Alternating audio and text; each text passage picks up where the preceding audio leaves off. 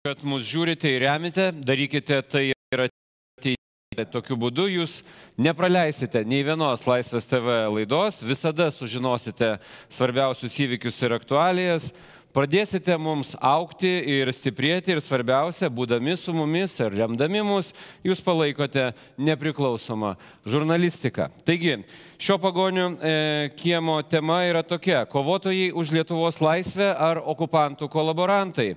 Kodėl tebestovi paminklai to nevertiems, o gal nepelnytai smerkiame tautos didvyrius? Petras Cvirka buvo geras rašytojas, tačiau jis išdavė Lietuvos valstybę. Kazys Škirpa buvo vienas iš tų, kurie rengė sukilimą 41 metais, tačiau nesustabdė jo dalyvių, kurie dalyvavo žudant žydus. Jonas Noreika Vietra pasirašė dokumentą, kuriuo buvo įkurtas žydų getas Šiauliuose. Kas šie asmenys? Gerojai, niekšai ar dar kas? Ar jie verti įamžinimo. Apie tai ir diskutuosime šį vakarą laidoje e, su Seimo nariu, Nacionalinio saugumo ir gynybos komiteto nariu, e, valstybės e, istorinės atminties komisijos nariu, istoriku Arvido Nušausku. Taip pat mūsų laidoje Seimo narys, Nacionalinio saugumo gynybos komiteto narys Laurinas Kaščiūnas, užsienio reikalų ministras Linas Linkevičius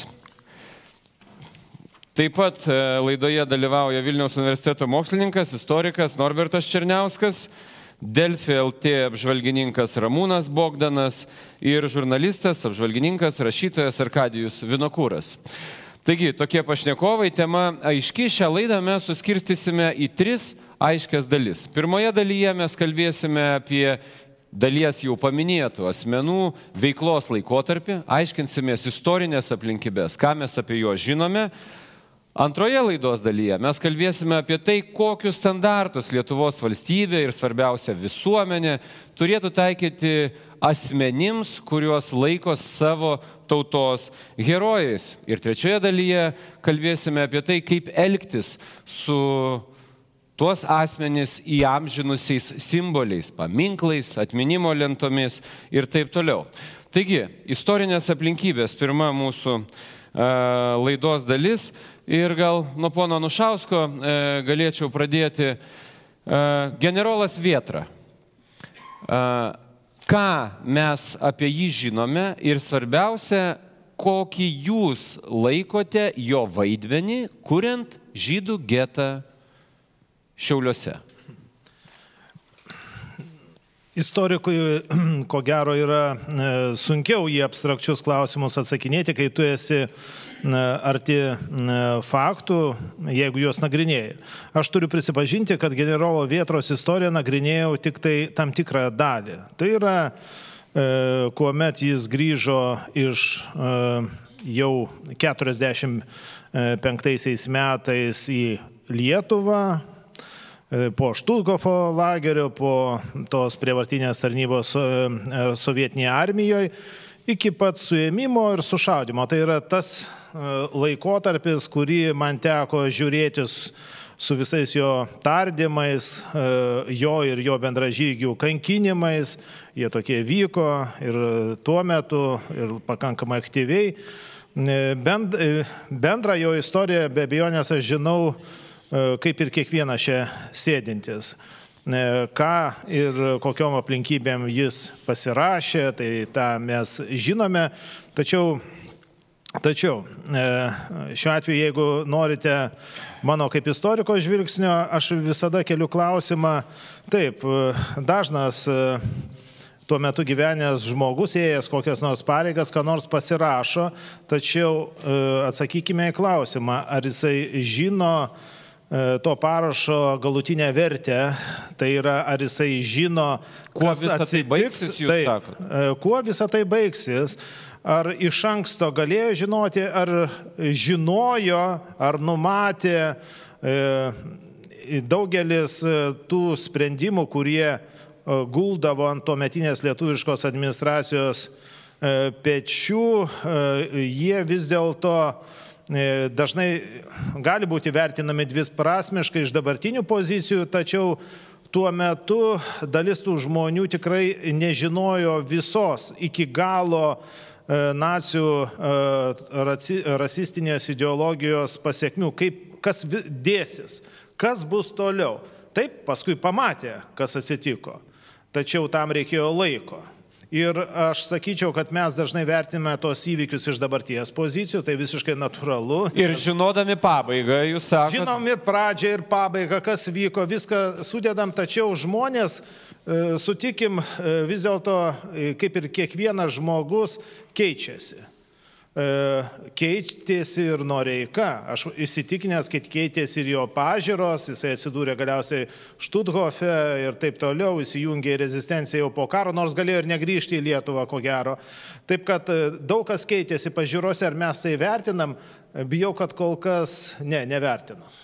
Pone Černiauskai, kaip Jūs vertinat e, tas aplinkybės ir a, pirm, dar vienas dalykas, kas turbūt rūpėtų, asmenybė apskritai? Taip, tai teko šiek tiek domėtis Jonu Noreika ir, ir, ir iki karo. Tai jeigu taip apibūdinti jo vieš, viešąją tam tikrą poziciją, tai galima pasakyti, kad ryškiai matosi iš poros tekstų, kad jis yra, tikrai yra antidemokratas. Na, laik, laikotarpio tokios yra aplinkybės, bet, sakyčiau, yra radikalesnėje pusėje negu tautininkų režimas. E, kitas dalykas, nežinau, ar tai, tai tikriausiai galėjo įtakoti jo poziciją ir antrojo pasaulinio karo. Galim matyti iš vieno viešo teksto, kuris pasirodė 33 metais, aišku, jis dar labai buvo jaunas žmogus, e, antisemitinės e, pažiūras, ekonominio tokio antisemitizmo lozungų įvairių, tikrai nekaip skambančių. Jūs, tai... turite, jūs turite jo knygą uh, su savimi, uh, ten uh, yra... Taip, tai yra vienas iš jo tekstų pakelk galvą lietuvių 33 metų ir ten jis kalba apie, mm, apie tai, kaip žydus reikėtų eliminuoti iš ekonominio gyvenimo, nes tai yra uh, tam tikras svetimkūnis, uh, kad reikia uh, Iš tiesų jis tuo metu pritarė tokio ekonominio sąjūdžio lietuvių, verslininkų sąjūdžio idėjoms radikalaus, kurio šūkis buvo Lietuva lietuviams beje. Ir jis... Išvaryti žydus iš tarpininkavimo verslo. Taip. Viena iš idėjų. Taip. Nustokite pardavinėti daiktus žydams, nes tik tai žydus penėsite, o pardavinėkite daiktus lietuviam, kad jie galėtų imtis tarpininkavimo veiklos. Tai jeigu žiūrėti visą, mm, nežinau, antisemitizmo istoriją, tai nebūtinai veda prie to, kas atsitiko karo metais. Tai nepaaiškina. Dažniausiai iš kitur atsirado tie, tie baisus dalykai, bet tam tikras, tam tikras asmen, asmens savybės galim fiksuoti.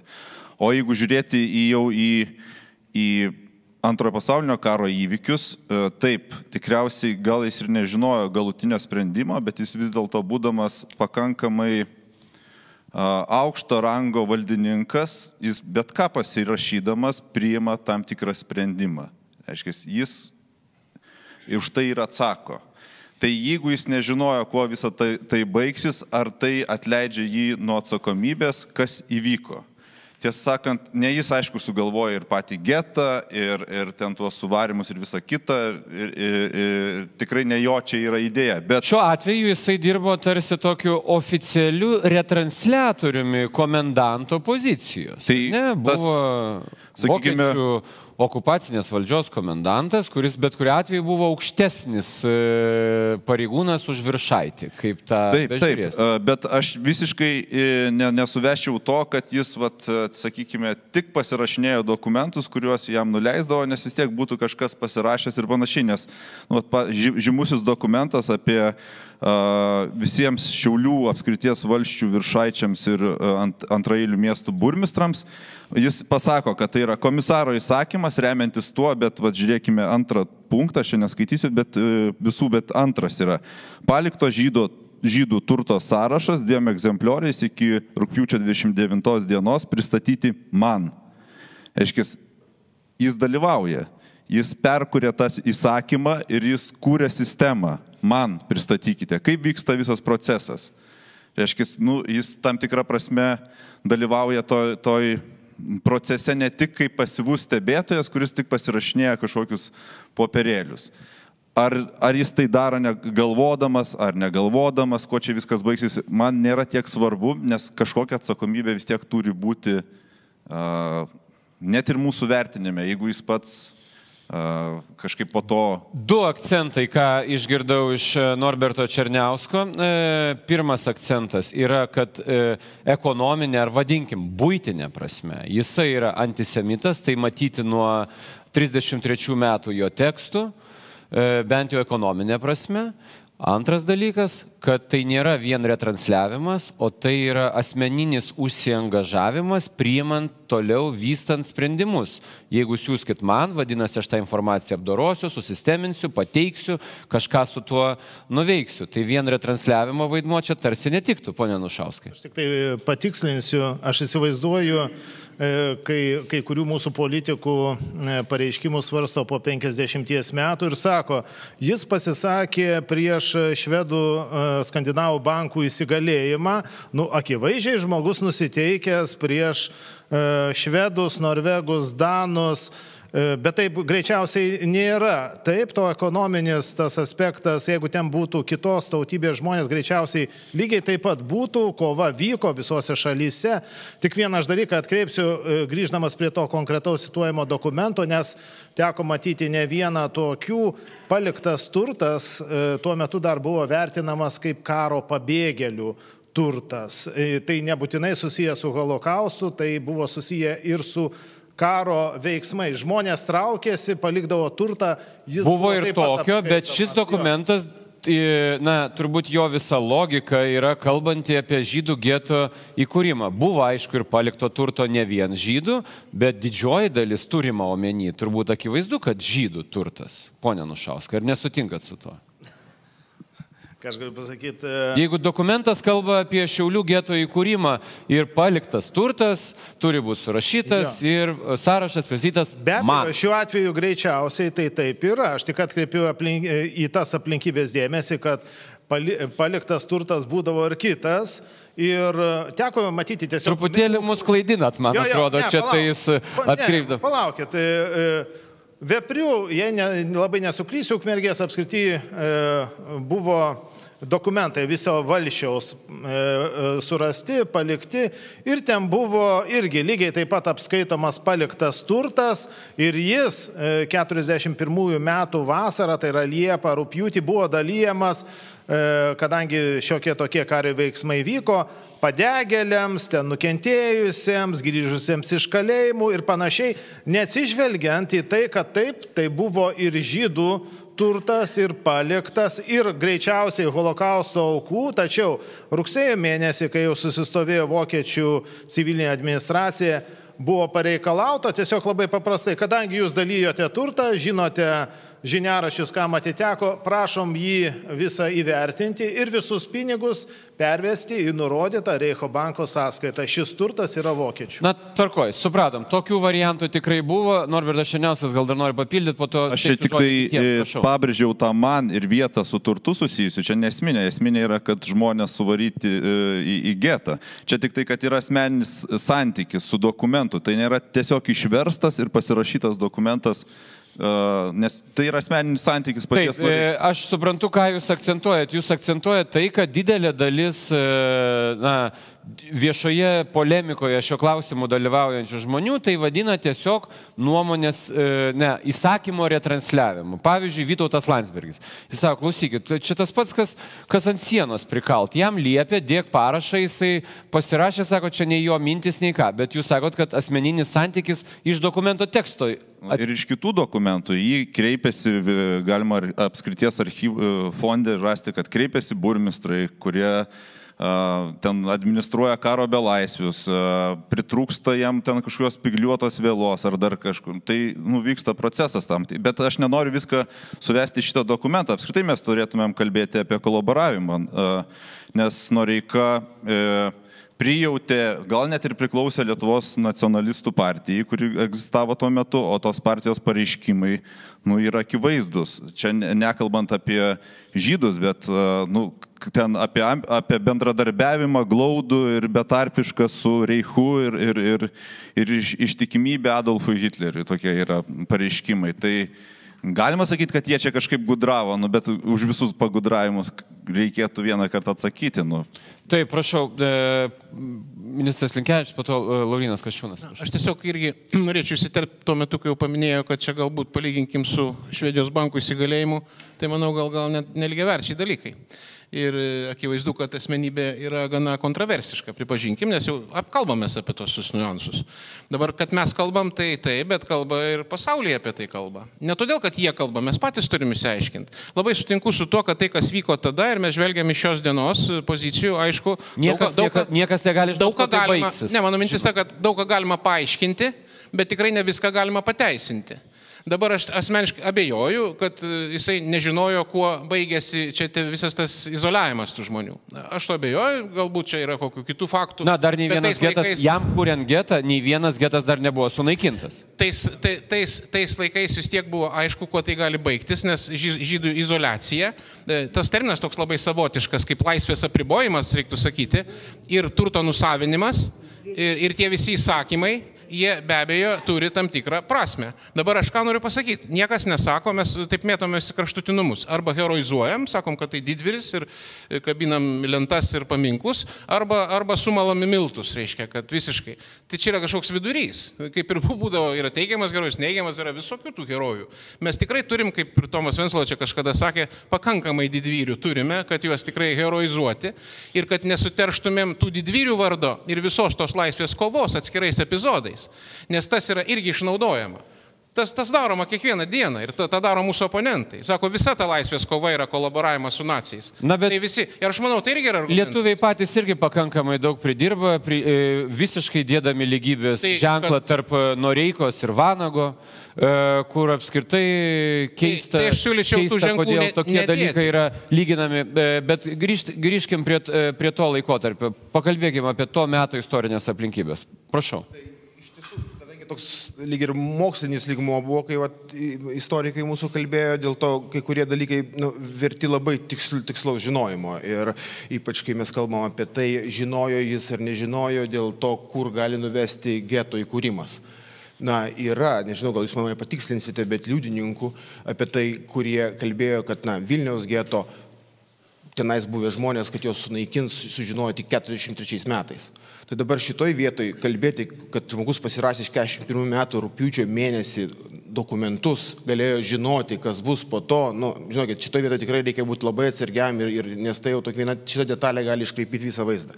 Dabar mes kalbėjome apie tokį labai individualų lygmenį. Reikėtų pakalbėti ir apie globalesnį, strateginį lygmenį. Na, prisiminkim aplinkybės, ar ne? Sovietinė okupacija, represijos, deportacija, ar ne? Visuomenė kyla pasipriešinimas, ateinam, priartėjom prie sukilimo. 41 metų birželio sukilimas. Tai yra mūsų nesukovoto karo 40 metais, na, tokiai nuodėmės išpirkimas. Mes kovojam. Štai ateina okupantai, kurie lietuviam nieko blogo nedaro, tik žydam. Nes jie, nu, natūralu, kad jie svar, reikia, svarsto labai paprastai, tie, kurie ir, ir, ir Škirpa Berlyne, ir Vilniuje e, tuometinis elitas svarsto labai paprastai. Reikia kažkokios išorinės jėgos. Tai negali būti Britai, tai negali būti prancūzai, kuri gali padėti išstumti sovietus ir komunistus iš Lietuvos. Tai yra po tų visų represijų, tai yra didžiulė neapykanta komunistams? Ir tada natūralu ta jėga yra tik tai Vokietija. Dažnai atskirkim, kad kai kas rėmėsi, na, pavyzdžiui, Škirpa jis buvo provokiškas, bet ne pronacinis. Ir čia yra labai svarbus dalykai. Dabar jie pabando pasiremti tuo veiksniu. Be abejo, per tas kelias dienas bando parodyti, kad jie atkuria nepriklausomybę. E, tikisi, kad laikinoji vyriausybė bus, na, saugoma kažkiek, tai jai bus leidžiama veikti. Tas, tas neįvyksta, bet jisai, generolas Vietra, Jonas Noreika, jisai dirba laikinai vyriausybei pradžioj. Tai yra jų paskirtas žmogus. Tada jisai, be jokios abejonės, yra viena silpnoji vieta, kad jis lieka dirbti tada, kai laikinoji vyriausybė yra panaikinama. O tas beveik metai. Čia yra laikin, viena silpnoji vieta, bet čia yra svarbi detalė kurią mes jau kaip ir beveik minėjom, bet reikia užakcentuoti. Jis pasipriešina kartu su kitais ypatingai svarbiam dalykui, tai yra SS dalinių steigimų Lietuvoje. Tik Lenkijoje ir Lietuvoje nebuvo įkurti SS daliniai, kitaip nei Latvija Esti. Ir jis dalyvauja tame pasipriešinime. Ir galų galia už tai yra pačio pagrindinio žmogaus, čianai saugumo policijos parašų ištrėmamas iš Štuthofa. Tai dabar, jeigu mes jis jau taip jau čia kolaboravo, kaip mes sakom, tai atsiprašau, tai jų už kolaboravimą ištrėmė nacija iš Štuthofa. Taip, e, tuoj pat, e, tuoj pat e, Arkadijau, prašau, jūs galite paimti mikrofoną, Norbertas Šeniaskas po to pratęs, prašau. Um, sprendžiant apie šį žmogų konkrečiai, visiškai teisingai reikia mums visiems susitarti, ar jisai buvo kolaborantas ir ar jisai sulaužė kario priesaiką. Ir pažiūrėsime tą kontekstą. Ką jūs turite omeny, sulaužė kario priesaiką? A, Pirma, jisai buvo karininkas. Jisai davė a, kario priesaiką, tapęs Lietuvos laisvos, Lietuvos kariuomenės kariu. Ir kario priesaika yra besąlygiška. Tu dirbi tik, atiduodi savo sielą tik valstybei, tai, kuriai tu prisiekiai. Nėra išimčių, nebent ta valstybė te pasiuntė kaip šnipą dirbti ir ten prisitaikyti kažkokio tai priešo uh, uh, teritorijoje. Antra, kolaboravimas. Reikia sutarti dėl kolaboravimo apibrėžimo. Viena yra kepti duoną okupantui, ar ten statyti, kurti kažkokius namus, kita dalyvauti jėgos struktūrose. Ir trečia, dalyvauti tik kabutėse administratoriumi, grobent nužudytų ir žudomų žydų turtą. Lietuvių, pasakysim lietuvių, galbūt atsiras daugiau atjautos, nes diskutuojant šią temą, regis atjautos nesimato. A, tai dabar, jeigu mes apsispręsime ir dėl trečio dalyko, ar mes turime teisę iš šiandienos žinojimo spręsti apie tam tikrų žmonių e, veik- e, veiksmus, psichologiją, tai šiuo atveju niekuomet nereikia pamiršti diskusiją, kad mes, turim, mes kalbam apie karį, davusi priesaiką savo valstybei. Um, ir iš mūsų bokštų, nes čia taip toksai įpras, toksai, įprastas toksai argumentas, iš mūsų bokštų mes negalim žiūrėti. Tai pirma, tai kas vyko a, 40-ais, kai visa Lietuvos kariuomenė be vieno šūvio buvo inkorporuota į Sovietų Sąjungos kariuomenę. Jeigu jums negėda, tai man didžiulė. Jie, kai man sako, kad uh, jie patys jie, jos privertė eiti, tai aš savo knygoje, kai aš davnoju savo knygą, arba pasirašinėjau savo knygą, mes nežudėme, aš rašau, visada yra pasirinkimas. Ir ypač karys turi pasirinkimą. Arba dalyvauti okupanto kariuomenėje, arba nedalyvauti. Na, šiuo atveju jis nedalyvavo kariuomenėje, šiuo atveju jisai, Jisai- e, dirbo administracijoje. Palaukit, 40 metais uh, jisai tapo Sovietų Sąjungos kariu. Kaip ir visa Lietuvos kariuomenė. A, mano žmonos amžinatelis tėtis tarnavo karo metais Plechavičiaus kariuomenėje. 40 metais jis atsisakė dalyvauti ap- apskritai eiti į sovietų kariuomenę. Karo metais jis atsisakė eiti tą patį SS dalinį, o po karo jis pasislėpė, kad net- netarnauti. Jisai, jam suteiktas statusas karo savanorio, apdovanotas, palaidotas su visa pagarba. Taip, taip, Tai bet dabar grįžtam prie tai svarbu, nepamirškim, kai jisai buvo karys.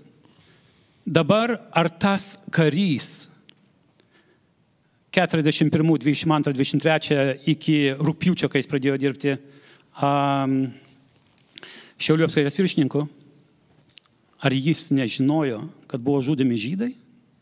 Kiekvieną mielą dieną, palaukit, tai neskirtingi dalykai. Žydai, turė- aišku, buvo žudomi, bet turbūt e, Jisai, buvo... mes einam prie to, aš, einu, aš noriu privesti prie to, kad jisai žinojo, kas vyko. 20 pavyzdžiui, a, visų pirma, jisai buvo Žemaitijos lafo vadas. Jis negalėjo nežinot, kas vyko Žemaitijoje. A, Konkrečiai faktai dabar. Nes aš remiuosi faktais, nes ir bandykim vertinti juos e, tiesiog iš faktų. O faktas yra tas, kad e, Liepos 12-13 dienomis plungėje Vienas žmogus, kurio vardas Povilas Alimas, kuris buvo plungęs e, Lietuvių komendantūros komendantas ir, ir, ir sukilėlių būrio, vadas, jisai, reiškia, vadovauja 1800 žydų, plungė žydų sunaikinimui. Tai yra įrodyta. E, Noriu pabrėžti ir žiūrovams taip pat, kad aš remiuosi tik dokumentais, kuriuos pripažįsta Lietuvos gyventojų genocido rezistencijos centras. Taip, tvarkoj. E... Sek, ne, netvarkoja. Tuoj pa- Galima sugrį- sugrįšim, sugrįšim e, e, dar būtinai pakalbėsim daugybę dalykų. Pone Černiauskai, vis dėlto pabandykim na, e, praplėsti tą supratimą to, to laikotarpio. Jūs laikote, kad Jonas Noreika yra viską, kuo puikiausiai supratęs kolaborantas su vokiečių okupacinė valdžia. Nu, jis iš tiesų uh, tikrai daugiau suprato negu kiti, nes jis buvo pakankamai įsilavinęs žmogus ir, ir, ir užėmė aukštas pareigas. Ar vokiečių veiksmai jūsų nuomonė, iš, ta, iš to, ką jūs minėjote e, e, prieš tai cituodamas, iš esmės atitiko jo vidinės nuostatas? Aš spėju, čia negalėt, negalima nutapyti baltom arba tamsiom spalvom. Aš, aš manau, kad kurį laiką e, jis prijautė trečiajam reichui ir tikriausiai po kurio laiko atsibūdo, bet čia vėlgi neturėtumėm a, suvesti tai, kad jeigu Jonas Noreika buvo geras partizanas, tai, ne, tai tada a, viskas ir prieš tai buvo gerai. Jeigu jis kolaboravo su nacijais, tai dar nereiškia, kad jis bus automatiškai blogas partizanas. Nu, tai čia yra labai žmogiška, bet aš tą argumentą apie Štutgofo kon koncentracijos stovyklą uh, dažnai girdžiu, taip, čia faktas, kad jis ten kalėjo ir ilgą laiką, bet, nu, pasižiūrėkime, kas, kas dar ten kalėjo ir ar tai atperka jo ankst, prie, sprendimus prieš, prieš dviejus metus, nes ir buvo ten ir Meškauskas Germantas, kuris, nu, buvo visiškai net pačių a, radikaliausių lietuvių laikomas, nu, jūs, kad jis jau kolaboruoja ir per daug bet jis atsidūrė koncentracijos stovyklai. Mes galim surasti tūkstančius, gal, o net ir dešimt tūkstančius atvejų, kada nacijai atsidūrė patys koncentracijos stovyklai. Tai čia dar tai ne, neišperka tam tikrų, aš nežinau, klaidų ar panašiai, bet tai rodo sudėtingumo laikotarpį, bet mes turėtumėm įvertinti visus laikotarpis, o ne pagal vieną nuspręsti pagal, dėl viso gyvenimo žmogaus. Aš nebejoju, kad jis buvo puikus pogrindininkas tuos tris mėnesius, kiek jis buvo, kūrė puikias schemas, apgalvojo tą politiką, jeigu kiltų konfliktas tarp rytų ir vakarų ir visa kita. Bet tai ne, ne, ne, ta prasme, nepasako, kad jis gerai elgėsi 41 metais. Pone Bogdanai. Žinot, čia, man atrodo, mes čia turim atsargiau truputį svaidytis kaltinimui žmogui, kuris nieko negali mums atsakyti. Ir Na, mes kalbam apie Ne. istoriją, aišku, kad jis negali. Ne, atsakyti. nes aš va dabar girdžiu iš e, šito jauno žmogaus, kaip jis aiškina, galbūt jisai priklausė tiem, e, tai partijai, o ta partija galvojo taip, tai tada reiškia, jisai galvojo taip ir taip. Iš to galbūt padarote teiginį, tai taip mokslas nedaromas iš tikrųjų, ne iš galbūt daromi teiginiai. O kalbant apie tai, kuo virto getai, tai paskaitęs Simono Vyzentalio centro svetainėje galite rasti, kad beros iki 42 metų net e, žydų spauda tuo metinė nieko nežinojo, nes nerašė nieko apie žydų naikinimą.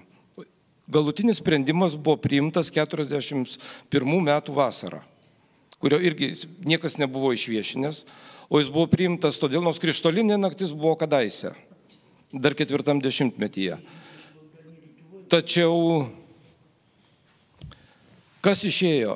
Dėl to, kad kitos šalis nepadidino kvotų žydami išvažiuoti, vokiečiai prieėmė tokį sprendimą, galutinį sprendimą.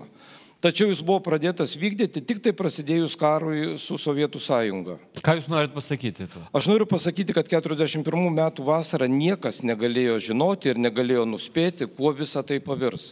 Ne tas klausimas. Bet to nepamirškite, kad vokiečius Lietuvoje žmonės traktavo kaip civilizuotą tautą. Galų gale, jeigu taip nuėmus įtampą, tai pasakysiu, kad pirmo pasaulinio karo metais būtent vokiečiai privertė lietuvius pasistatyti lauko tualetus. Taip, tai buvo tauta, kuri nešė kažkokią Taip, bet šiuo atveju mes kalbame. E, aš Ir suprantu. kol tai dar nepradėjo vykti, tai psichologiškai labai realu, kad įsivaizduoti tokias baisenybės, tai negalima. Kitas Daugeliu dalykas, žmonių, kalbant... ypač mažiau įsilavinusių, neturinčio platesnio kyračio, tai turbūt, kad atrodė viskas normalu, anie vežė į Sibirą, naikino, atiminėjo, plėšė, šitie žiek, prie mūsų nelenda, tik tai į žydų turtą e, atiminėjo ir dar mums kažkas liks. Tai aš suprantu, kad energetiškai krūvis galbūt kitas, bet mes turime klausimų iš O, ponė Faina Kuklenski, Lietuvo žydų bendruomenės pirmininkė. Prašau, ponė Kuklenski. Turiu pastabą. Taip, žinoma. A, aš klausausi uh, pono Nušausko, pono Kaščiūno, uh, pono Daubaro ir aš ne, negaliu suprasti, ar jūs suprantate, ką tai reiškia, kad Lietuvoje buvo Lietuvos piliečiai išnaikino 250 tūkstančių Lietuvos piliečių. Atsiprašau, gal dabar leiskit man pasakyti. Aišku, tai nebuvo vien tik tai Lietuvos piliečių darbas, bet daugybė žmonių kolaboravo ir juos išnaikino. Jūs suprantat, ką tai reiškia izoliuoti į getą jam reikia galvoti toliau, kas bus, ar nušaus tą žmogų, ar, ar kaip, kaip, kaip, ką, ką jis turi apskritai galvoti.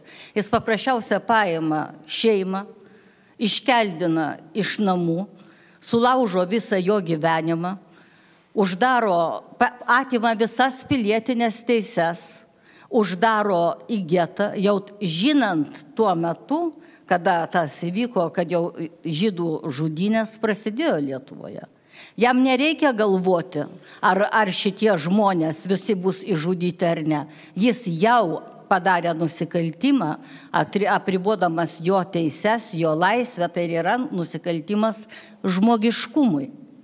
Dabar, ponas Kaščiūnai, nereikia laukti, kol getai buvo, buvo sunaikinti. Žmonės šaudė getuose ir iki geto sunaikinimo. Tas vyko nuolat visą laiką. Ar, argi jūs apie tai nežinote? Ir, ir dėl to šiandieną kalbant, šiandieną kalbant, ir mes sakom, kad jis žinojo, nežinojo, bet jūs įsivaizduokit, ką jisai darė. Jūs pagalvokit apie tuos žmonės ir pabūkite tų žmonių vietoje. Ir tada pagalvokit, ar jiems labai svarbu buvo, ką jisai žinojo, ko jis nežinojo ir ką, ko reikia, reikėjo tikėtis.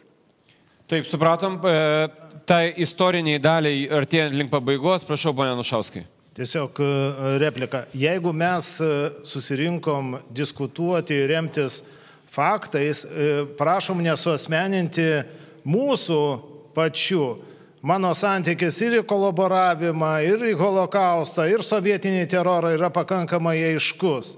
Ir e, iš tikrųjų aš pavyzdžiui matau, vat, kaip buvo paminėta, kad taip žmonių biografijos buvo įvairios. Jisai galėjo būti ir kolaborantas, ir gelbėtojas vienam asmenį, ir rezistentas paskui, ir atvirkščiai. Rezistentas ir nusikaltelis paskui, ir išdavikas, ir agentas smogikas, ir e, tardytojų priverstas išdavinėti draugus. Visko buvo ir viskas tilpdavo vienam asmeniui. Net naujausiais laikais mes Taip, turime tokių istorijų. Jeigu mes iš ekspertinio lygio pereisim į emocinį, Tai šiuo atveju galima, aišku, tada e, pakeltais tonais e, kalbėti, arba mes ieškom, gilinamės, tikslinamės faktus, aiškinamės, bet nereikia mūsų kaltinti, kad mes neturim atjautos. Nereikia sakyti, kad mes nesuprantam, kas dėjosi tuo metu.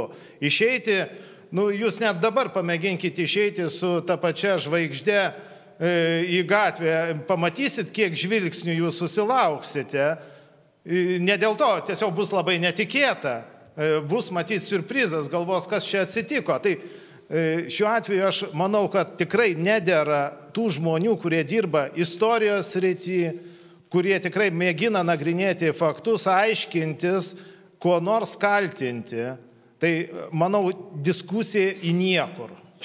Taip, e, prašau. Vis dėlto istoriją reikia užbaigti, mes mes kalbame tą temą ir mes to perėsime kitą temą, kuri išeina iš to, ką pasakė Arvidas. Aš noriu vis dėlto užbaigti ir pasakyti, kodėl aš kalbėjau apie Alimą. Nes Alimas buvo įtrauktas Noreikos į savo delegaciją, kuri važiavo į Kauną aplankyti e, Lietuvos laikinosios vyriausybės. Savaitę po žudinių jisai puikiai žinojo, kad žydai yra žudomi. Ir a, n- todėl diskusijos apie tai, kai jis nežinojo, kad kiekvieną dieną žudomi žydai, nu, a, tiesiog negalėjo šito būti. A, taip pat jis turėjo žinoti, kad nacijai žudė ir lietuvius. Nuo 41, 22, 23 dienomis Nacijų kariuomenė pradėjo žudyti žmonės uh, Kretingoje, aplinkui, e, prie Lytaus, t, nes ten kažkas apšaudė Vokietiją, jie paėmė visą kaimą. Nepa, tai yra, mm, atsiprašau, vieną sukilėlių grupę, 400 žmonės sušaudė visi lietuviai Nemno kranto. Tokius dalykus reikia žinoti. Ir karininkas Jonas Noreika nereaguoja. Jisai paspaudžia ranką ponui Alimui, paima jį su savimi ir kartu važiuoja e, ir su visa grupė dar buvo ten kitas visai jodėkės, kuris kankino e, plungė žydus, liepė jiems šokti aplinkui. Tai mes negalim sakyti, kad karininkas, e, Lafo žemaitijos vadas, nieko nežinojo. Tol, kol jisai tapo, plus jisai dirbo ne kažkokias tai porą dienų, jisai dirbo pusantrų metų. Pusantrų metų a, Šiaulių apskrities viršininkas, kuris dalyjo dovanas, jisai pats gyveno žydonam, nužudyto žydoname, jis taip pat pats, jisai išleido 3000 dokumentų, jo arba jo a, darbuotojų pasirašyto, šimtas dokumentų skirti, a, ką a, reiškia žydų reikalams.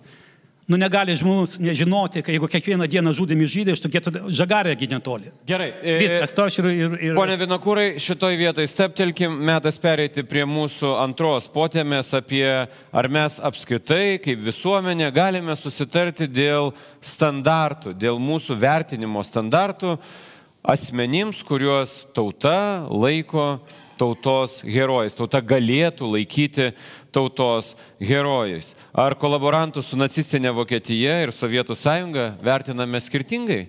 Ar Paminklą Petrui Cvirkai siūlo greuti ir tie, kurie nori palikti atminimo lentą generolui Vietrai, ar tai vis dėlto yra labai skirtingi dalykai. E, Man atrodo, tai labai e, svarbi tema, ponė e, Kaščiūnai, prašau.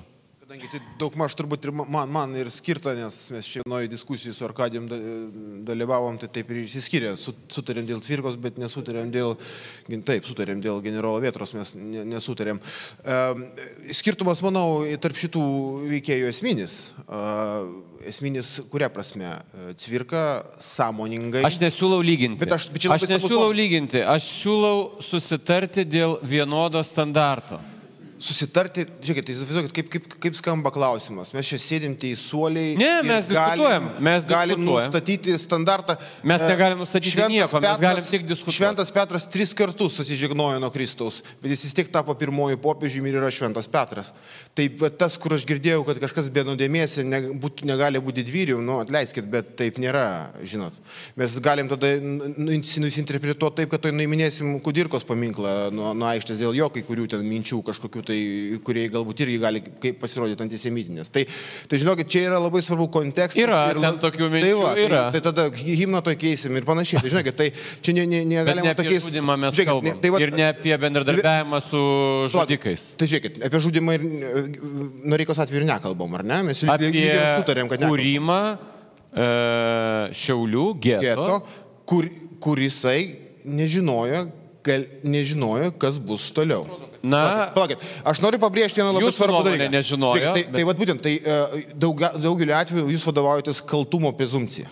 Čia teisinėje sistemoje iš šių laikų yra nekaltumo prezumcija. Dabar vat formuluotė, jis buvo LAFO vadovas ir jis, kaip jis galėjo nežinoti. Tai jūs įrodykit, kad jisai žinojo tuos dalykus. Jis, pavyzdžiui, apie tai, kad bus galutinis sunaikinimas, net Wehrmachtas nežinojo. Iki SS, SS, Ne, ne apie tai kalba, Tai, ne- ne tai čia yra tai labai kalba. svarbus dalykai ir detalės, kurias reikia žinoti, kai mes vertinam žmogaus Gerai, bet, vaidmenį. e, e, ponė Černiauskai, jūs matote dvigubą standartą vertinant sovietų ir nacijų kolaborantus Lietuvoje? E, Ne, aš nematau Nematot. dvigubo standarto, nes e, sveikoji visuomeniai, e, kuri, kuri vertina ne emocijom, tai viskas yra maždaug aišku. Aš tik tai norėjau grįžti, kad Jūs pats vertinat visiškai vienodai ir manot, kad tai nėra dominuojantis požiūris Lietuvoje vertinti skirtingai. gal anksčiau ta tradicija buvo labiau linkusi, kad nacijai yra na, kažkuo tai geresni ir panašiai, bet manau, kad dabar tas yra nu, tam tikra praeitis. Aš tik tai trumpai grįžtų. Man irgi kartais nepatinka, kai žmonės apšaukiami tiesiog žydšaudžiais. Yra toks terminas.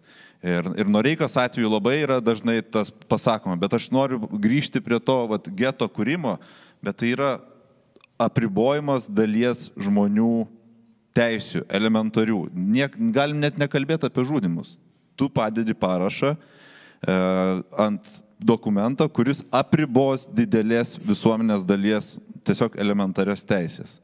Tai jau yra nu, tam tikras pažeidimas. Dėl žudimo aš sutinku, gal jis žinojo, gal nežinojo, nesuprato ir visa kita. Čia yra toks dalykas. Ir kas svarbiausia, tuo metu ga, galima buvo alternatyva. Jis galėjo susirgti, nepasirašyti, sugalvoti, ką nors. Jam nieks iš esmės dėl to negrėsė.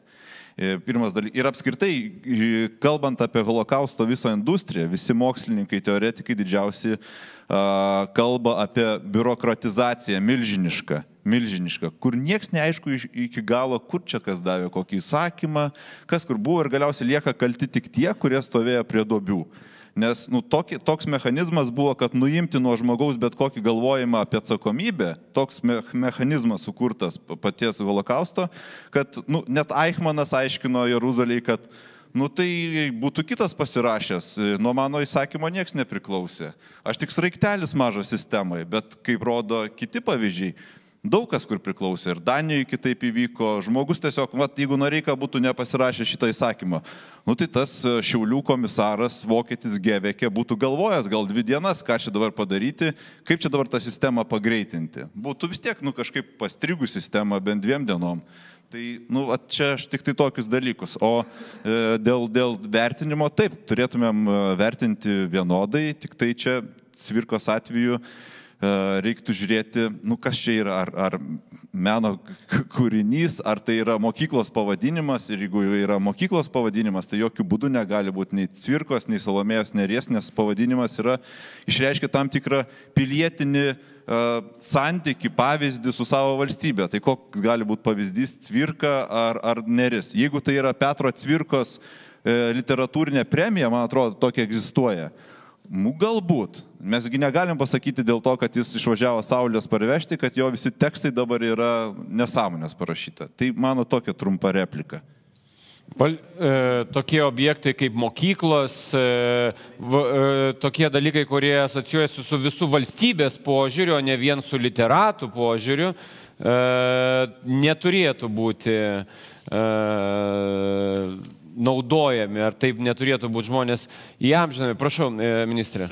Noriu pasakyti, kad tikrai nesam teisuoliai ir patys nebenuodėmės ir čia nieko mes nesustatysim, bet e, vis tiek kontekstą turim įvertinti ir, ir ne tik tai diskutuoti, ką jis manė arba nemanė, mes po šito nežinom tiesiog, kaip jis ten galvojo, bet kontekstas yra tas, kad vis tiek mūsų istorijoje didžiausias plėmas, Lietuvos istorijoje, lietuvių istorijoje, kad beveik visi žydai, kurie čia gyveno, buvo nužudyti. Dabar kaip mes tą koncertą niekad nuo jo nepabėgsim. Aš apie tai kalbu kiekvieną kartą, kai nuvažiuoju į New Yorką, sustinku su žydų organizacijoms. Kiekvieną kartą. Faina turi teisę apie tai kalbėti, čia nesmeniškumą, jos mama ten buvo šiaulių gėti. Kodėl neturi apie tai kalbėti? Jis turi garsiai kalbėti ir turi tokią teisę kalbėti. Ir iš tikrųjų, aš tai noriu dar pasikartoti, standartas tai kas standartas? Standartas yra tas, kad nu, turėtumėm gal susitarti, kad jeigu yra priekaištai e, kažkokiai tai asmenybei, matyti, jisai ko gero irgi nusipelnęs ir valstybingumui, tikrai ir kovojo, ir Štutgofe buvo tvarkoj, bet yra tokie puslapiai jo gyvenime, kurie niekada neleis pamiršti ir niekada neleis tiem būsimom aukom e, kažkaip tai atleisti ir suprasti. Niekada to nebus tiesiog, paprasčiausiai. Ir mes tokiu būdu tikrai užtrauksime atkreipsim dėmesį visiems. Aš tikrai manau, kad mes apginsim ir Vanagą, ir turim tam galimybę ir visus kitus absoliučią daugumą kovotų už Lietuvos laisvę, nes jie neturi, e, neturi kam teisintis. Tačiau tie atskiri atvejai jau užtraukia tikrai didelį priemą visiems. Kodėl mes tą darom ir padedam oponentam, aš to negaliu suprasti. Ir be to, tarptautiniai teisiniai praktikoje galbūt nėra vyraujantis požiūris, bet tas vadinamas izoliavimas e, ar, ar apribojimas teisės aukos yra laikomas kaip holokausto dalis. Ir kitaip tariant, tai laikoma, kad tie žmonės dalyvavo holokauste. Tiesiog toks apibrėžimas. Galima čia to ginčytis, galima nesutikti, bet taip yra ir visą laiką reikės teisintis. Aš nežinau, ar mes turim, ar turim tam prabangos vat, visą tą daryti. Ir vėlgi pakartosiu, nesakau, kad viską, ką darė kapitonas Jonas Noreika, yra blogai. Ne, nesakau. Bet ir nesakau, kad viskas e, yra be priekaištų, kad reikia kabinti tą lentą. Paimkite tą lentą, pasidėkit namuose pas save ir, ir, ir saugokit. Kodėl neturi kabėti ant tos bibliotekos? Ir, ir dar jinai kita lenta kabo ant Šiaulių apskrities e, pastato taip pat. E, iš tikrųjų, man atrodo, kad e, tas mūsų pokalbis krypsta vis dėlto į niekur. Kodėl? Jeigu e, į niekur, į niekur. Vat, pavyzdžiui, aš jokių lentų nekabinau, aš net nesirašiu imti jos namo. Ačiū, gal jūs pats pasidėkit prie ministerijos, ką nors primins. E, šiaip jau, e, vat būtent dėl to į niekur. E, galima pakalbėti bendrom frazėm. Taip, mes žinom, kas yra holokaustas. Mes žinom, kas nukentėjo ir kiek nukentėjo. Mes žinom, kas vyko Lietuvoje. Ir aš manau, kad tas žinojimas, jisai plečiasi. Aš prisimenu, kiek reikėjo pastangų kad ne tik apie holokaustą, bet apie laisvės kovas vadovėliuose atsirastų bent kiek didesnė informacija kad atsirastų pagrindiniai dokumentai, kad vaikai galėtų bent tą pradinę informaciją gauti. Tai buvo aišku jau senokai, bet vis tiek reikėjo tų pastangų. Mokytojus reikėjo mokyti, kurti tos tolerancijos centrus. Jie važinėjo į Jeruzalę, e, žiūrėjo Jadvašą. Ta prasme, buvo daugybė pastangų padėta, kad situacija keistusi. Ir dabar iš tikrųjų tas vaidimasis, pasimkite lentą, išsineškite namo, mes sėdėm, kaip, pabrėšiu, kaip ekspertai. Taip, dalis čia esančių žmonių turi asmenį po, požiūrį, turi tam teisę. Bet mes čia sėdim kaip ekspertai šitoj diskusijoje. Aš norėčiau, kad diskusija būtų būtent tokio lygmens, kad mes aiškintumėmės, ką mes galime pasakyti apie šį įvykį, apie Noreiką, apie e, tuos jo pažiūras, kaip specialistai, dar kartą pabrėžiu. Jeigu mes nukrypsim nuo šito... Ne, ponė Nušauskai, jūs aišku kalbat kaip istorikas, bet čia mes turim ir politikų, ir visuomenės veikėjų, apžvalgininkų ir taip toliau. Mes kalbam visais kampais apie šitą uh, klausimą ir jeigu aš teisingai supratau, čia ministras Lentas siūlė ne jums, o Laurinui Kašiūnui parsinešti. Bet uh, bet e, politikas šiuo jūsų atveju tai apskritai e, e, jūsų dešinys pusrutulis Seime, o kairys apie pusę. Aš juokauju, prašau. Manau, kad reikėtų sugrįžti, sugrįžti prie esminės dalies šios dalies pokalbio. Kriterijai, pagal kurios mes vertiname, kas yra kolaboravimas, kas yra nusikaltimas žmoniškumui, kas yra kario priesakos sulaužimas. Tai akivaizdu, kad šis asmo, pavadinkime asmo X, asmo X yra susitepęs. Akivaizdu, kontroversiškas, pagristai dokumentuotai. Tada klausimas kyla, kaip mes norim, kad mūsų vaikai, mūsų kariai, aš turiu du sūnus, jie tarnaus daug dėja Lietuvos kariuomenė, ir jam pasakys, o va štai šitas X vertas, e, e, e, reiškia, didžiausias garbės. Mokinys eks mokykloje, kuri turi eks vardą, sako, palaukite dėstytojau, bet aš skaičiau, kad jis toks yra noks. Be viso didvyriškumo jis dar toks yra noks, nes nukantėjo aibė žmonių. Ką sako mokytojas, istorijos mokytojas, bijodamas direktoriaus. O jeigu esam demokratinė valstybė, reiškia bijoti nereikia demokratinėje valstybėje kalbėti e, tiesiai, ir dra, e, kalbėti tiesiai yra norma, o ne drąsa. Tai mes kokia, e, kokiais kriterijais ir mes vertiname vieną ar kitą dalyką ir kartoju, kokia, koks garbės, karininko garbės, karininko garbės kodekso, garbė, nes ir aš sakau, kad kario priesaika negali būti relatyvi. Mes turime e, nukankintą didvyrį Adolfą Ramanauską Vanagą, kuris nei kiek nesusitepęs.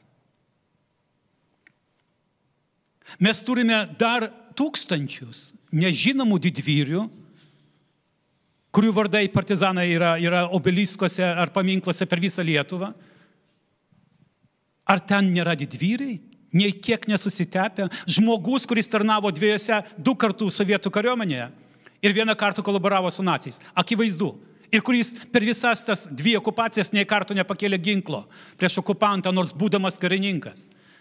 Kario esmė, karininko esmė okupacijos metu paimti ginklą į rankas ir eiti kovoti, kaip kovoja partizanai miškose. Noreika niekada nebuvo pakėlęs ginklo prieš, nei prieš nacijų okupantus, nei prieš sovietų okupantus.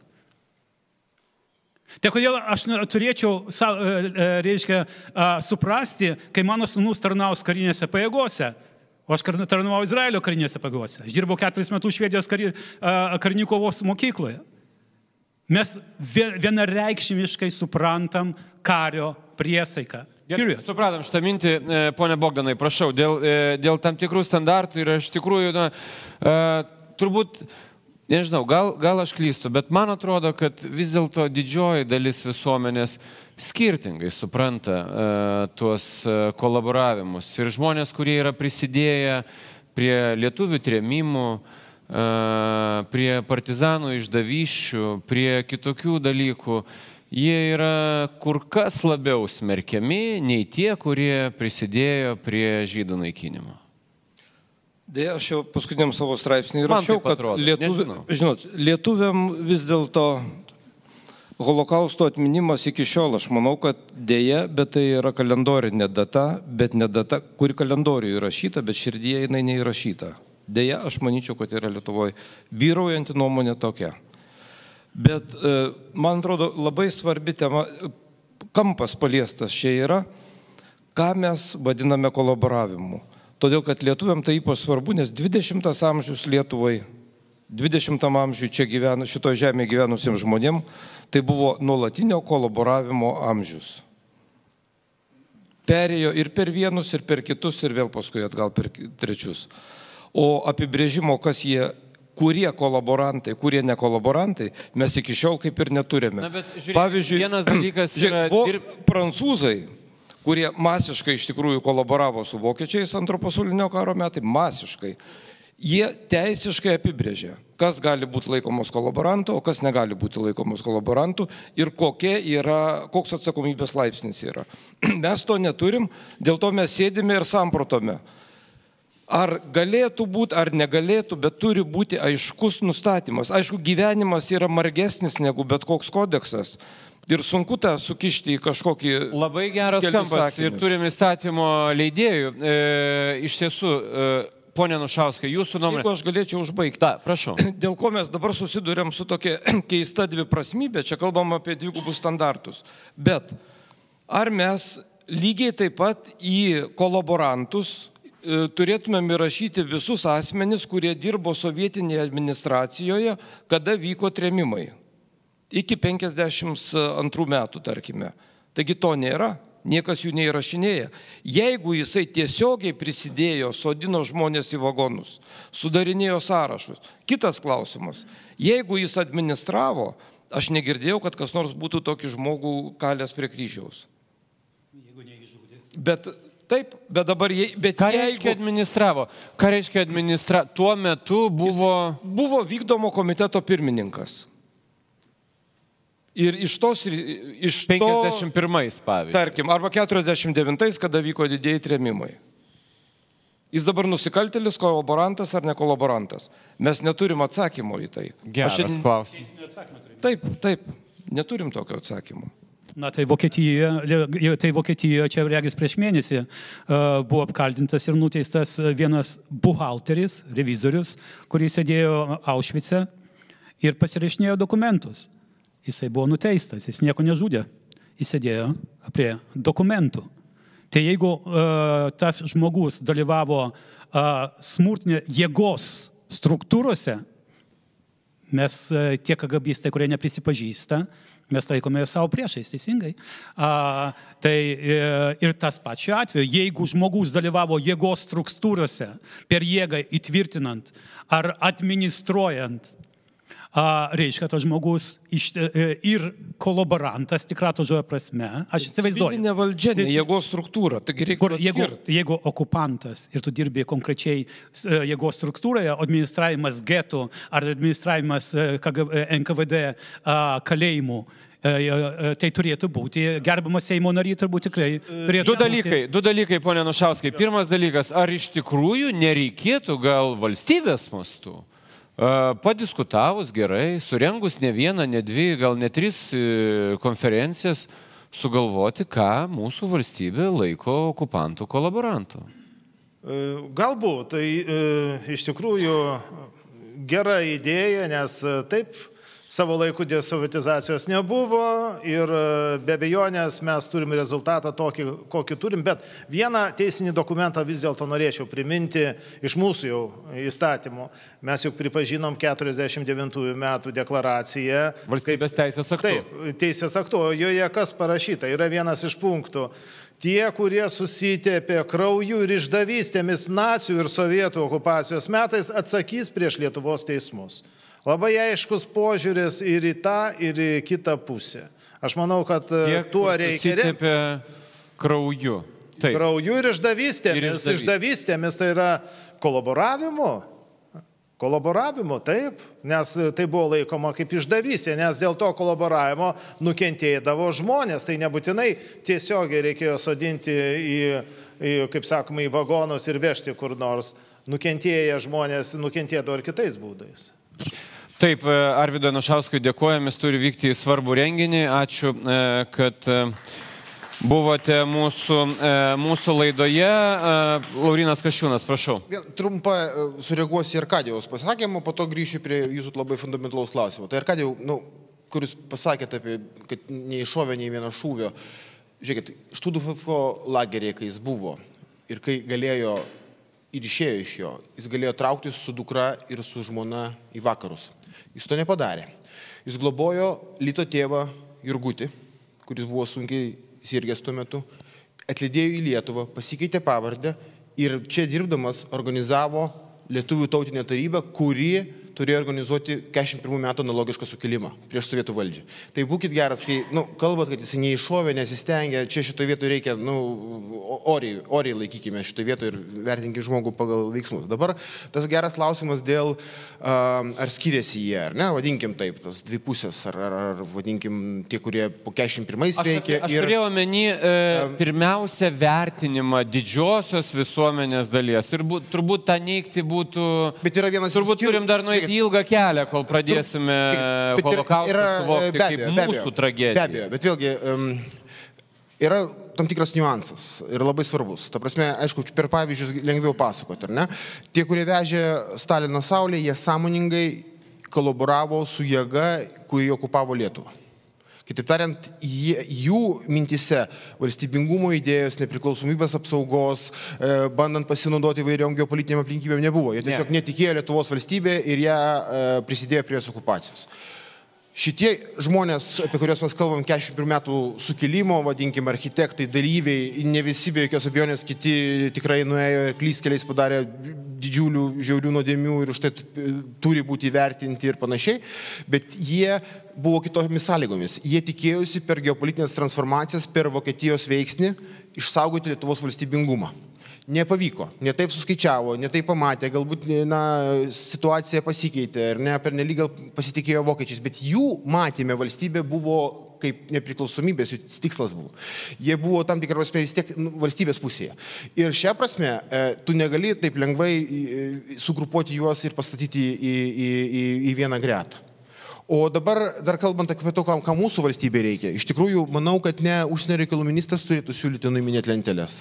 Ir aš, ir, e, be, žiūrėkit, tai nu, manau, kad turi. Būtų turi. turėjęs teisę, manau, kad būtų nusintęs jau. Tai žiūrėkit, tai kita yra, reikia centralizuotos institucijos su istorikais, kuri turėjo įvertinti, aiškiai pasakyti, kas yra kas mūsų istorijoje tai sudėtingais laikotarpiais. Na, bet žiūrėkit, O dabar, Kaščiūnai, aš jums pacituosiu. tik aš tik noriu, noriu pasakyti, kad vat, o, o dabar kas įvyko? Ministras išėjo su iniciatyva, sukėlė dalies visuomenės pasipriešinimą ir vėl patys šitai vietai įsišovėm savo į kojas. Na, bet pažiūrėkit, atsakinga institucija, genoci, gyventojų genocido rezistencijos e, tyrimų centras, ar ne, išvada, Apibendrinant galima teikti, kad vokiečių okupacijos laikotarpiu Jonas Noreika nėra dalyvavęs žydų e, masinėse naikinimo operacijose Telšių ir Šiaulių apskritise, tačiau okupaciniai nacių, nacių valdžiai jį, kaip ir kitus lietuvių civilinės administracijos pareigūnus, pavyko įtraukti į su žydų izoliavimu susijusių reikalų tvarkymą.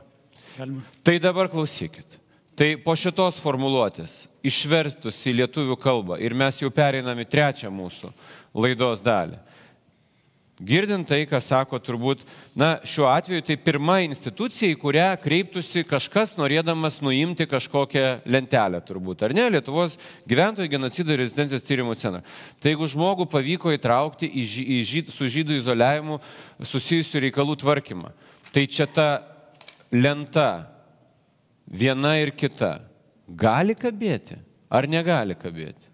Galima. Jeigu jį pavyko įtraukti, net ir cituojant tik tai, kas parašyta, į su žydų izoliavimu susijusių reikalų tvarkymą. Tai to užtenka, kad lentą nuimti, ar vis dėlto neužtenka? Taip, visų pirma, tai yra pa- paminklas pateisinimui, kaip pateisinti kolaboravimą.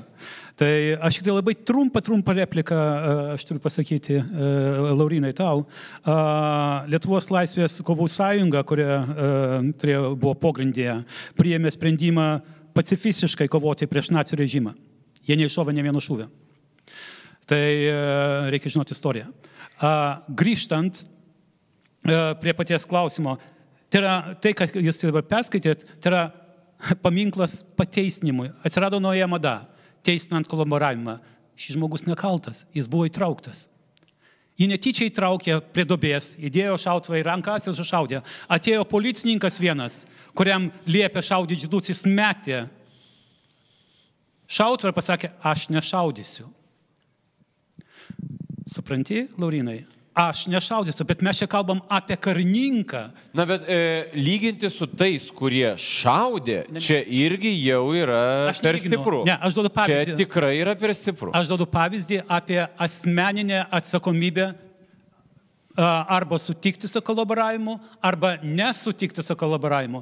Jeigu mes sakom mūsų vaikams kariuomenė duodam šautuvą ir sakom, žinai tavo priesaiką, nu, prisitaikyk tenai. Tai toksai požiūris, e, menkinimas, pateisinimas kolaboravimo yra pavojingas mūsų nacionaliniam saugumui Lietuvos. Pone Černiauskai. Aš, jeigu jau konkrečiai apie lentelę, tai čia reikia, reikėtų atkreipti dėmesį, kad toj lentelėje nėra jokios neteisingos informacijos. Toje lentelėje informacija Taip. visa teisinga. Taip, Taip, kad jis ten dirba, kūrė tą organizaciją ir panašiai. Tik tai čia yra problema tame, kad o jeigu atsirastų lentelė Šiauliuose arba Žagariai ant namo paraš, ir būtų parašyta, šiame name 41 metų ten rūpiučio tą ir tą dieną kapitonas Noreika pasirašė tokius ir tokius dokumentus. Būtų irgi pikta, nes apie asmenį mes sužinom tik tai per vieną faktą pateiktą kažkokį. Tai šiuo atveju ten e, netiesos melo nėra, tik tai mes žinom, kad yra tik tai viena pusė. Tai aš nežinau, ar, ar, ar čia reikėtų plėšti lenteles, bet kitas dalykas, gal tada jam žinant prieštaringas asmenybės, prieštaringa gal reikia tada ir parašyti dar ir kitus faktus. Prieštaringas, bet reikšmingas. Turbūt taip reiktų vertinti. Nežinau, čia- Asmenybė ar čia- yra reikšminga, gana reikšminga. Tai aišku reikšminga. Ir matos, čia daug kas nuskambėjo faktų, jo ir nuopelnų matyti yra tikrai nematyto, ko gero yra, bet irgi akivaizdu, kad prieštaringa. Irgi akivaizdu, kad yra tokių faktų, kurių kai kurie iš vis niekada jų netleis, kai kurie galbūt tolerantiškiau žiūrės, bet tai nėra vienareikšmiška. Mes todėl patys save įsivarom į kampą ir, ir tiesiog ne, ne, negalim pripažinti, kad na, nebūtina heroizuoti. Čia apie tai kalbam. Niekas nesako, kad jį reikia tenais išniekinti kažkaip tai arba atminti. Ne apie tai čia kalba, bet heroizuoti nėra būtina. Tiesiog nėra to, to, to būtina daryti. Aš labai tik trumpai. Ar jūs girdėjot, kad kažkas dabar siūlo jo vardu pavadinti gatvę, aikštę? Tai palaukit, mes kalbam apie kuklę lentelę kur tiesiog... ką reiškia? Tai, palaukit, tai ar mes kalbam Na- kažkokią tai, na, įstatom jį vieną gretą su Ramanausku Vanagu? Viešoje nėra. erdvėje tai Tai buvo palauk, pradėta ne, ne, ne. daryti, Tai- kas ne, ne, ne. e, Tai- tai- atrodė gana keista. Čia buvo atsakas, tai buvo reakcija į tai prieš bandymą nukabinti tą lentelę. Jis kukli ta lentelė, tiesiog pagarba tam žmogui iš tuos, aišku, darbus, kuriuos jis atliko rezistenciniai kovoj. Viskas. Ta prasme, mesgi nekalbam apie jo įtraukimą. į Laurinai, aš suprantu, ką tu sakai, bet mes šiandien ne apie tai kalbam, bet aš noriu tiesiog paminėti. E, Kuklus paminklas Krištaponiui stovi ukmergiai, kuris šaudė žydus. Ne, tai palauk, bet Lietuvoje tai yra tie dalykai vyksta Lietuvoje, mūsų, mūsų valstybėje vyksta ir, ir, ir tai yra tiesiog negali nepastebėti. Tai aš neskau, kad čia ne apie tai kalbam, aš suprantu, bet tai yra kontekstas, kurį negali nematyti.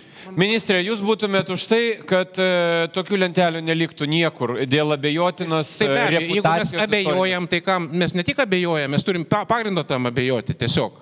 Ir aš ne, tiesą sakant, neaišku, kaip ta lentelė ten atsirado, dabar niekas neprisipažįsta, beje, reikia pastebėti.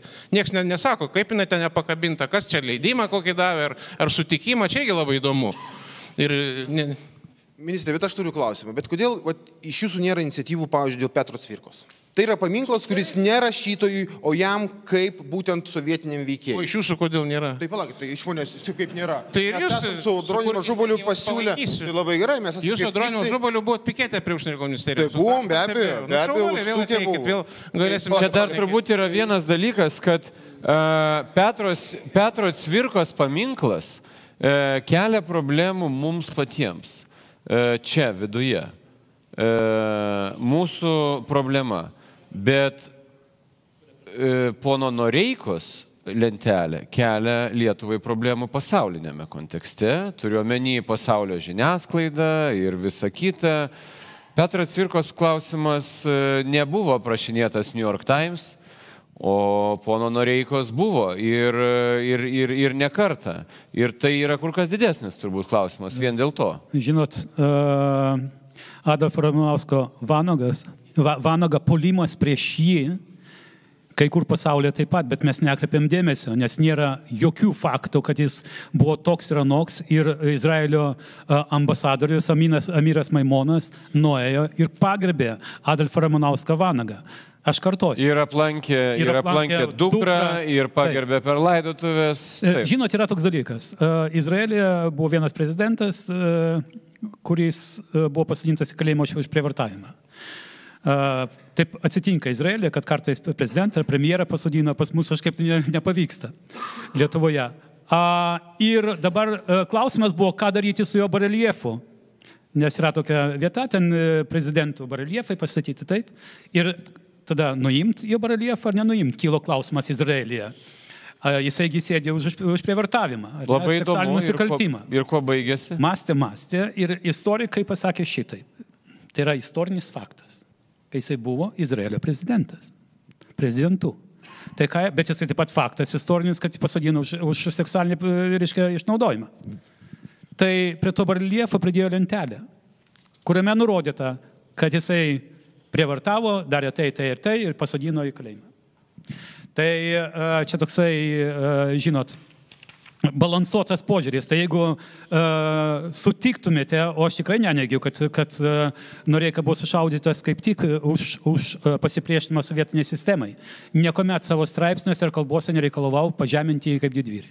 Aš sakau, kad jis yra tiek susitepęs dokumentuotai, kad čia tiesiog diskusijos įvertinimai. Tiek Tai susitepęs. jūs sakot, Tai- kad po tuo bareljefu ir e, Vilniuje ir Šiauliuose po tomis atminimo lentomis turėtų būti taip, kad okupaciniai na- nacijų valdžiai jį, kaip ir kitus lietuvių civilinės administracijos pareigūnus, pavyko įtraukti į su žydų izoliavimu susijusių reikalų tvarkymą. Aš, aš tik tas Kas sugalvos formuluotę? Aš pateikiu, reiškia, aš pateikiu a, pavyzdį.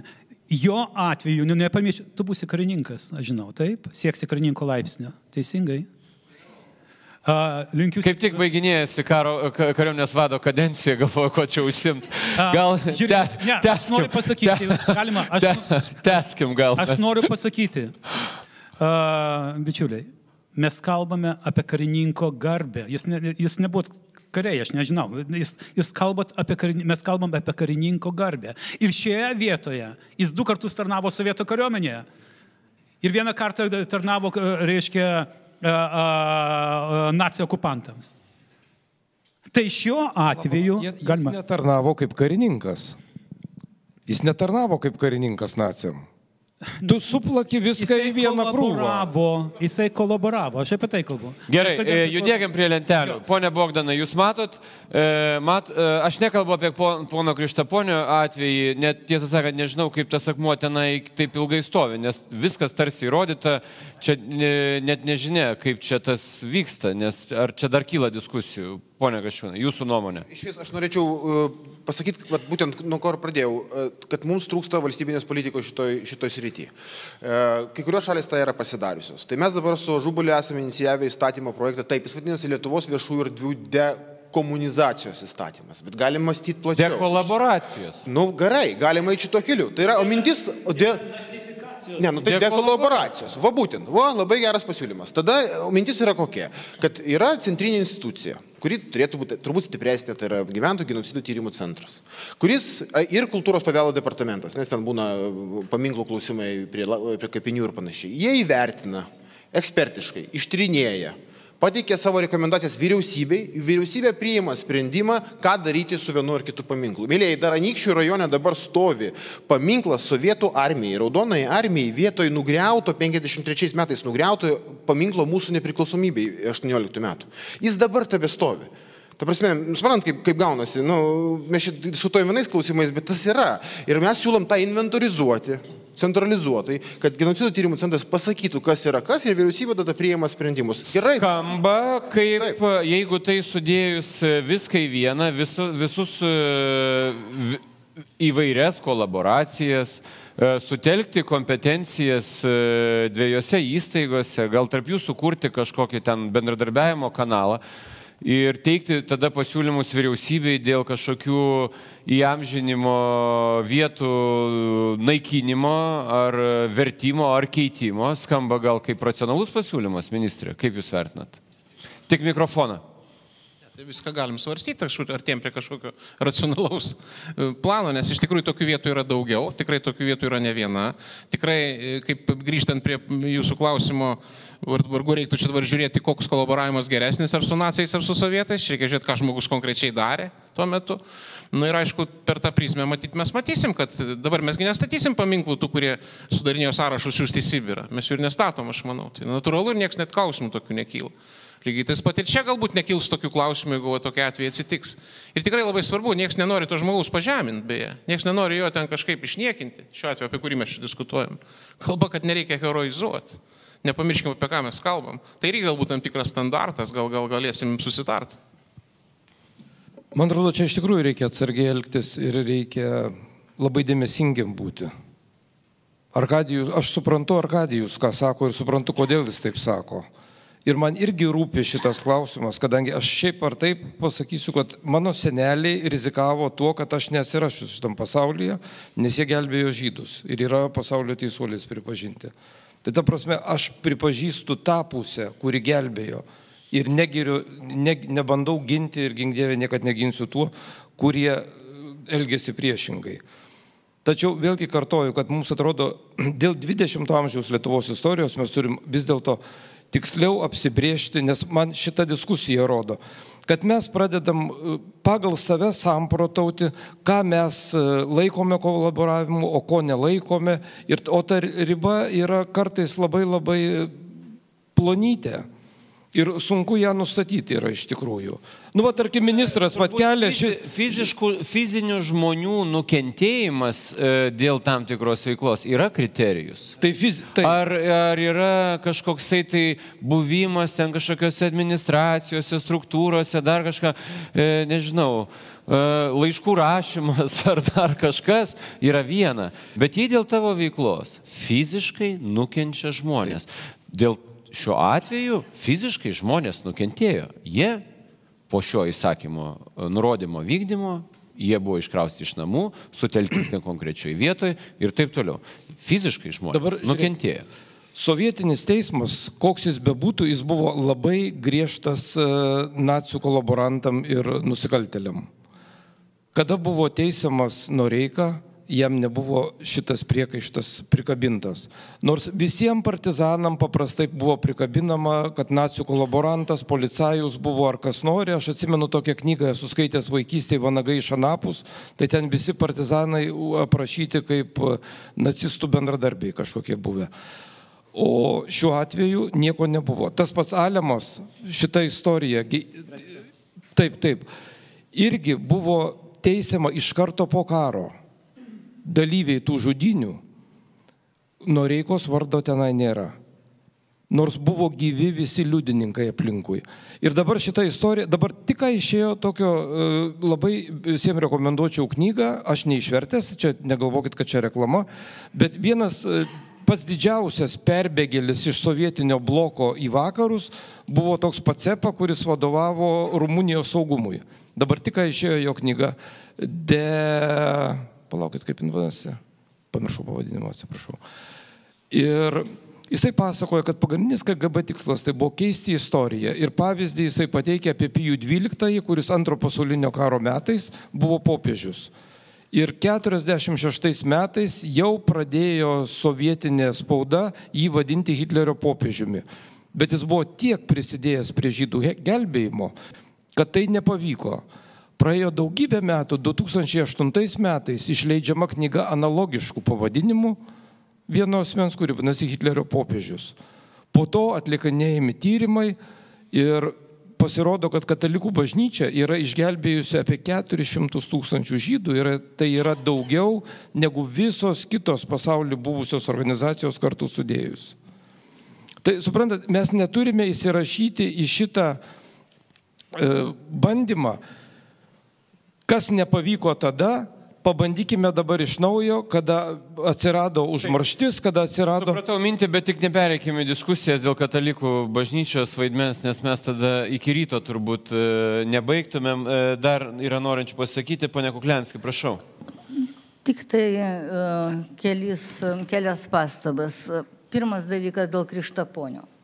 Labai įdomu, kad būtent Ukmergės meras kartu su kitais keturiais, man atrodo, merais yra įkūręs žydų kultūros paveldo kelią. Tai žinot, aš ir siūlyčiau žydų kultūros paveldo kelią pradėti nuo Krištaponio paminklo, kuris taip gražiai prižiūrimas Ukmergiai. Dabar kas liečia naujų įstatymų. Aš pati esu teisininkė. Ir aš pati praėjau visą tą procesą su rehabilitacijos įstatymu, kada vienu įpū buvo rehabilituoti vos ne 30 tūkstančių žmonių. O derehabilitacijos procesas tęsiasi iki šios dienos. Nežiūrint to, kad specialių tyrimų skyrius yra panaikintas, vis tiek yra žmogus, kuris dirba su derehabilitacija. Dėl lentelių kabinimo yra nustatyta tvarka. Kas, ką tai reiškia kolaboravimas? Kodėl reikia atskiro įstatymo nustatyti, kas yra kolaboravimas ar kas yra nekolaboravimas? Yra įstatymas, kuris aiškiai pasako, kas yra nusikaltimas žmogiškumui. Tai ir, ir daugiau nieko ir nereikia. Vykdykime tuos įstatymus, kurie yra pritaikykime juos ir vienai, ir kitai pusiai taip, kaip turi būti. Ir tada nereikės mums čia sėdėti ir galvoti, nes pastatyti paminklą visada yra lengviau negu jį nugriauti. Pakabinti lentelę yra visada lengviau negu ją nukabinti. Bet jūs pabandykite tą padaryti, žinot, aš galiu pasidalinti savo patirtimi, kad aš norėjau būtent gelbėtojams padaryti paminklą, aš su tuo paminklu prisimūčinau dešimt metų. Niekas man nei žemės, nei leidimo nedavė. Kada dabar aš, mes norim padaryti lentelę cionizmo šimtmečiui, kuris kovojo kartu už Lietuvos nepriklausomybę, mane savininkas neįsileidžia net į kabinetą.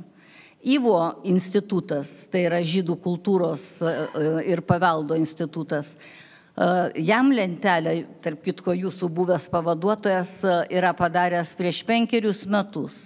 Ir iki šio laiko negautas leidimas pakabinti ir įamžinti. Suprantate, tai yra absoliučiai taip, be kešius pradėjo be kešius pradėjo ir pasakė, kad padarys. Ir yra padaryta, bet neleidžia jos prikabinti. Supranta, tai yra visiškai e, tiesiog vykdykime įstatymus ir nereikės jokių kitų naujų. Taip, prašau, ministrė. E, Dar vieną pasakyti, nežinau, nespėsiu išplėtoti, bet mes Mes šiaip dirbam informacinio karo sąlygomis, dar nepamirškim. Ir mes kovojam dėl savo tiesos, dėl savo istorijos supratimo visame pasaulyje. Rusija kiekvienais metais jungtinėse tautose pateikia rezoliuciją, kuri vadinasi labai gražiai, e, prieš nacizmo glorifikavimą. Nu, kas gali prieš tokį pavadinimą balsuoti? Bet mes mums pajėgiam išaiškinti ES, kad negalima balsuoti, nes tenais jie perrašo istoriją ir jie ten tikrai niekina ir mūsų laisvės kovą. Ir, ir tas vyksta, mūsų jėgos net nelygios. Mes išplatinam dabar filmą tokį trumpą, mūsų užsienio ministerijos žmonės paruošė socialiniuose tinkluose apie laisvės kovą, apie milijonas peržiūrų. Mes tą darom labai intensyviai ir darysim, nes tai yra teisybė. Bet mes nekomplikuokim savo šito darbo, o tokiais keistais poelgiais, kurie labai sukomplikuoja su, su, su, su visą tai. Tikrai nekomplikuokim to darbo, nes Rusijos propagandos tikslas yra labai paprastas.